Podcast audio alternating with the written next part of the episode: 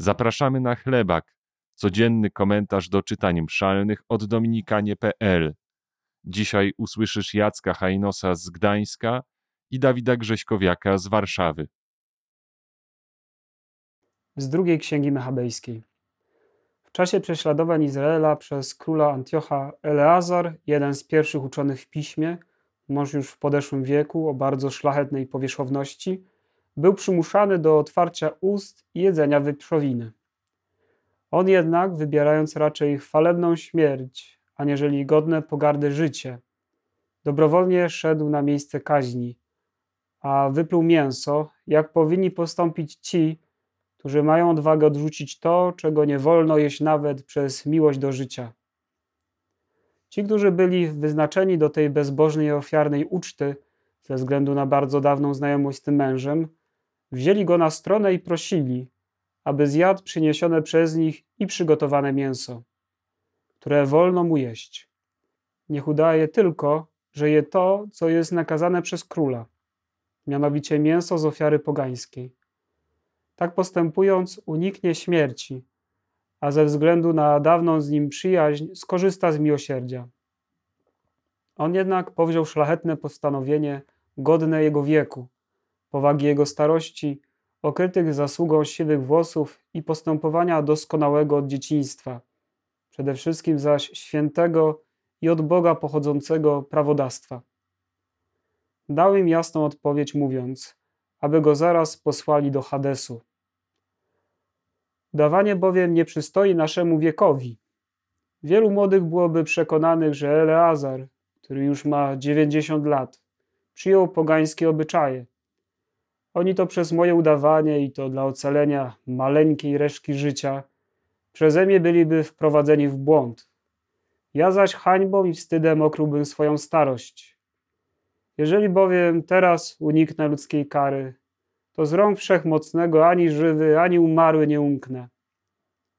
Dlatego jeżeli mężnie teraz zakończę życie, okaże się godny swojej starości. Młodym zaś pozostawię rzetelny przykład ochotnej i wspaniałomyślnej śmierci za godne czci i święte prawa. To powiedziawszy, natychmiast wszedł na miejsce kaźni. Ci, którzy go przyprowadzili, na skutek wypowiedzianych przez niego słów, zamienili miłosierdzie na surowość. Sądzili bowiem, że były one szaleństwem. Mając już pod ciosami umrzeć, westchnął i powiedział: Panu, który ma świętą wiedzę, jest jawne to, że mogłem uniknąć śmierci. Jak obiczowany ponoszę wprawdzie boleść na ciele. Dusza jednak cierpi to z radością, gdyż Jego się boję. W ten sposób więc zakończył życie, a swoją śmiercią zostawił nie tylko dla młodzieży, lecz także dla większości narodu przykład szlachetnej odwagi i pomnik cnoty. Nie wiem, czy ktoś z Was oglądał film Braveheart e, z Melem Gibsonem, e, grający tam główną rolę. E, był też reżyserem tego pięknego filmu. Do tej pory słucham muzyki z tego filmu, jest bardzo piękna. I kiedy myślę w ogóle o całej księdze machabejskiej, to myślę sobie, że to jest taka izraelska wersja tego filmu. Mamy tych, którzy prześladują naród, e, tych, którzy walczą o swoją niepodległość, i mamy bardzo piękne przykłady osób, które postanawiają nawet oddać swoje życie za to, aby być wiernymi Bogu. W Braveheart mamy walkę o niepodległość e, państwową, natomiast w tym przypadku mamy, można powiedzieć, przykład niepodległości na poziomie wiary, dlatego że mamy osoby takie jak Eleazar, który postanowił oddać swoje życie. Nie chciał po prostu spożywać wieprzowiny, która była zakazana przez prawo. Wolał oddać swoje życie, niż złamać Boże przymierze. Niesamowita jest ta historia, dlatego że właśnie nadaje się na film. Potrafił on w taki, można powiedzieć, majestatyczny sposób powiedzieć do młodych ludzi, do tych, którzy go skazują, że słuchajcie, ja mam 90 lat. Jaki to byłby przykład dla innych, szczególnie dla młodych, Gdybym ja teraz, w tym wieku, złamał Boże prawo, Boże przymierze. Zwróćmy uwagę, że ten moment oddania życia, również później go męczyli, jak usłyszeliśmy w czytaniu, jest momentem, w którym możemy bardzo konkretnie zastanowić się nad tym, na ile my w swoim życiu sprzedajemy na drobne nasze postanowienia. Na ile my sprzedajemy wewnętrznie w drobnych rzeczach to, co się można powiedzieć wcześniej, do czego się zobowiązaliśmy, co się Bogu podoba, do czego mm, zachęciliśmy nasze serce w przeszłości. Elazar może być takim dla nas przykładem świętości, jak w trudnych momentach naszego życia, a ewidentnie jego moment życia był bardzo trudny, uczyć się wierności Panu Bogu. Jeszcze raz, starajmy się w drobnych rzeczach oddawać Panu Bogu chwałę, w drobnych rzeczach być wiernymi, ażeby kiedy przyjdzie ten trudny moment przyznania się przed ludźmi do Boga, ażeby przyznać się przed innymi do, do Chrystusa w bardzo trudnych sytuacjach, ażebyśmy byli zdolni to zrobić. Jak mu nauczał święty Maksymilian Kolbe, jeżeli codziennie bym nie umierał, nie byłbym gotowy na to, żeby oddać życie Panu. Oddawajmy codziennie życie Panu, ażebyśmy jak Eleazar mogli być gotowi, gotowi do tego, aby ostatecznie oddać, oddać swoje życie Panu, czy to w męczeństwie, czy na końcu naszego życia.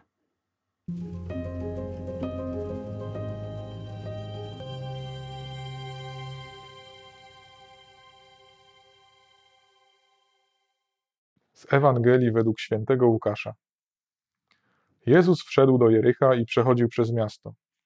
A pewien człowiek imieniem Zacheusz, który był zwierzchnikiem celników i był bardzo bogaty, chciał koniecznie zobaczyć Jezusa, któż to jest, ale sam nie mógł z powodu tłumu, gdyż był niskiego wzrostu.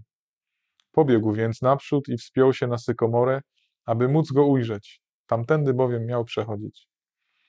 Gdy Jezus przyszedł na to miejsce, spojrzał w górę i rzekł do niego: Zacheuszu, zejdź prędko, albowiem dziś muszę się zatrzymać w Twoim domu. Zszedł z pośpiechem i przyjął go rozradowany. A wszyscy widząc to szemrali. Do grzesznika poszedł w gościnę.